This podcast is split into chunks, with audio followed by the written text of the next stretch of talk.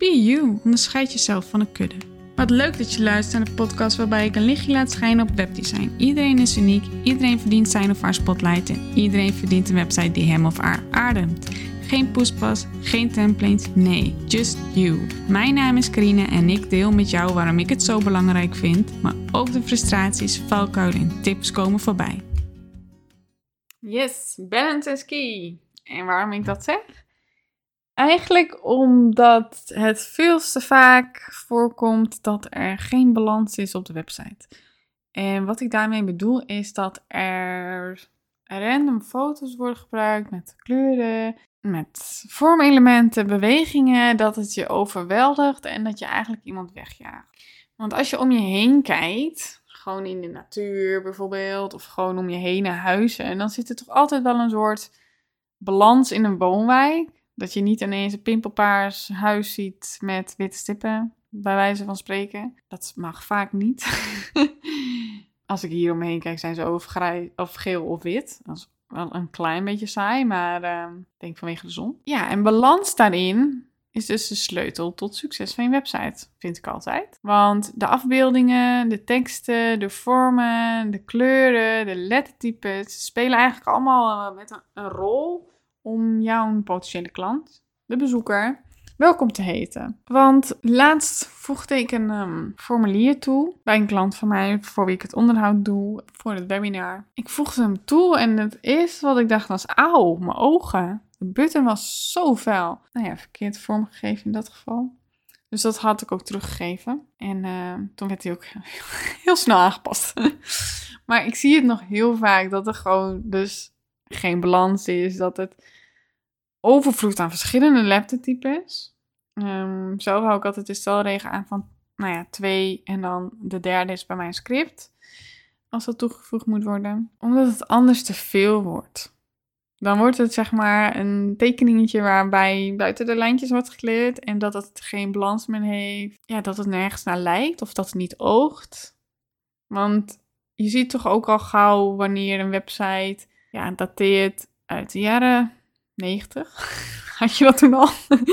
uh, en nu? Dat je daar toch wel veel verschil in hebt. Ook met de balans, met de kleuren die wordt gebruikt. Want kleurgebruik is toch wel eentje waar, waar veel mensen moeite mee hebben. Want je hebt in je huisstijl met je branding vaak twee, drie kleuren. En voor een website maak je toch al snel gebruik van zes. Om er gewoon even een aantal ook even zo te noemen.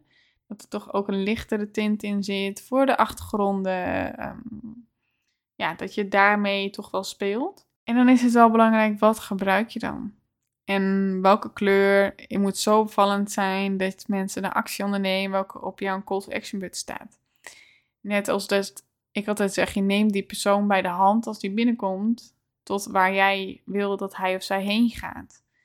En stel dat diegene dan halverwege al overtuigd is van jou, geef diegene dan ook de uitweg tot actie. Dus de uitweg om die call te boeken of om dat product aan te schaffen. Dat je meteen de actie biedt. In plaats van dat diegene dus eigenlijk moet blijven hangen, moet meescrollen naar beneden.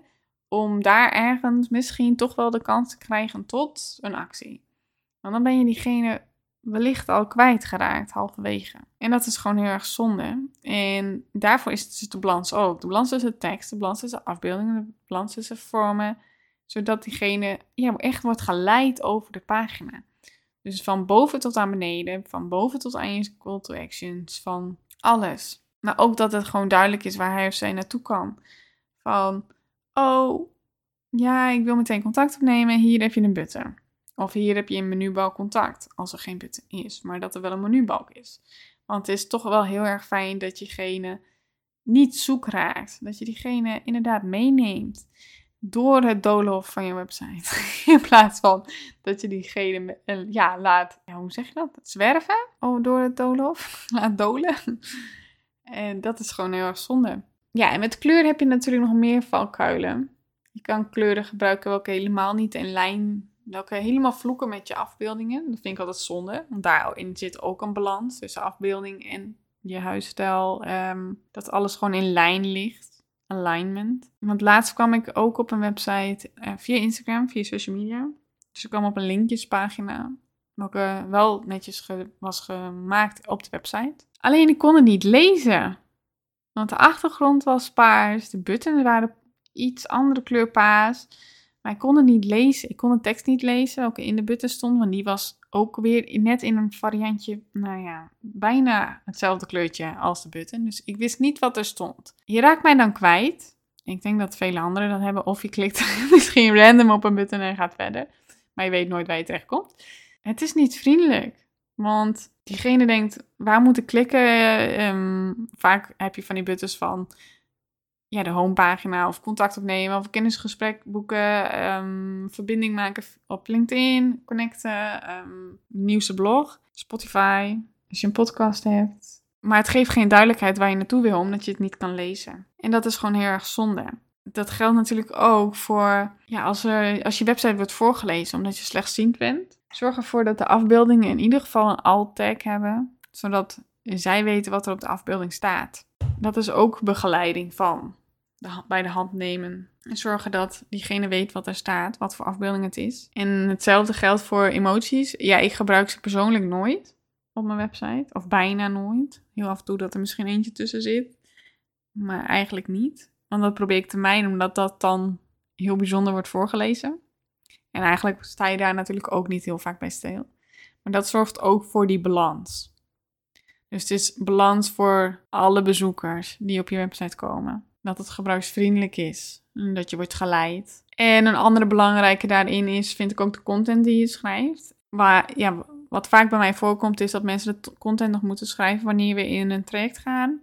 En dat er ook nog een fotoshoot gepland staat, of die is net geweest. Maar vaak wordt die, moet die dan nog. En dan geef ik ook al tips mee omdat de tekst en de foto's spelen een belangrijk onderdeel natuurlijk bij de kleurelementen, de lettertypes, de vormen, animaties, alles wat je kan toevoegen. Waarbij je dus al een beetje na gaat denken over wat voor foto's je wil, wat je wil uitstralen, maar ook wat er in je teksten komt. Net als dat ik het voorbeeld gaf met de kritische bril, dat ik dan ook bewust met de foto daarmee kwam. En zo heb je natuurlijk ook dat je daarmee kan spelen. En maar dat zorgt dus ook weer voor je balans. Ik vind dat zo'n mooi woord in dit geval. de balans.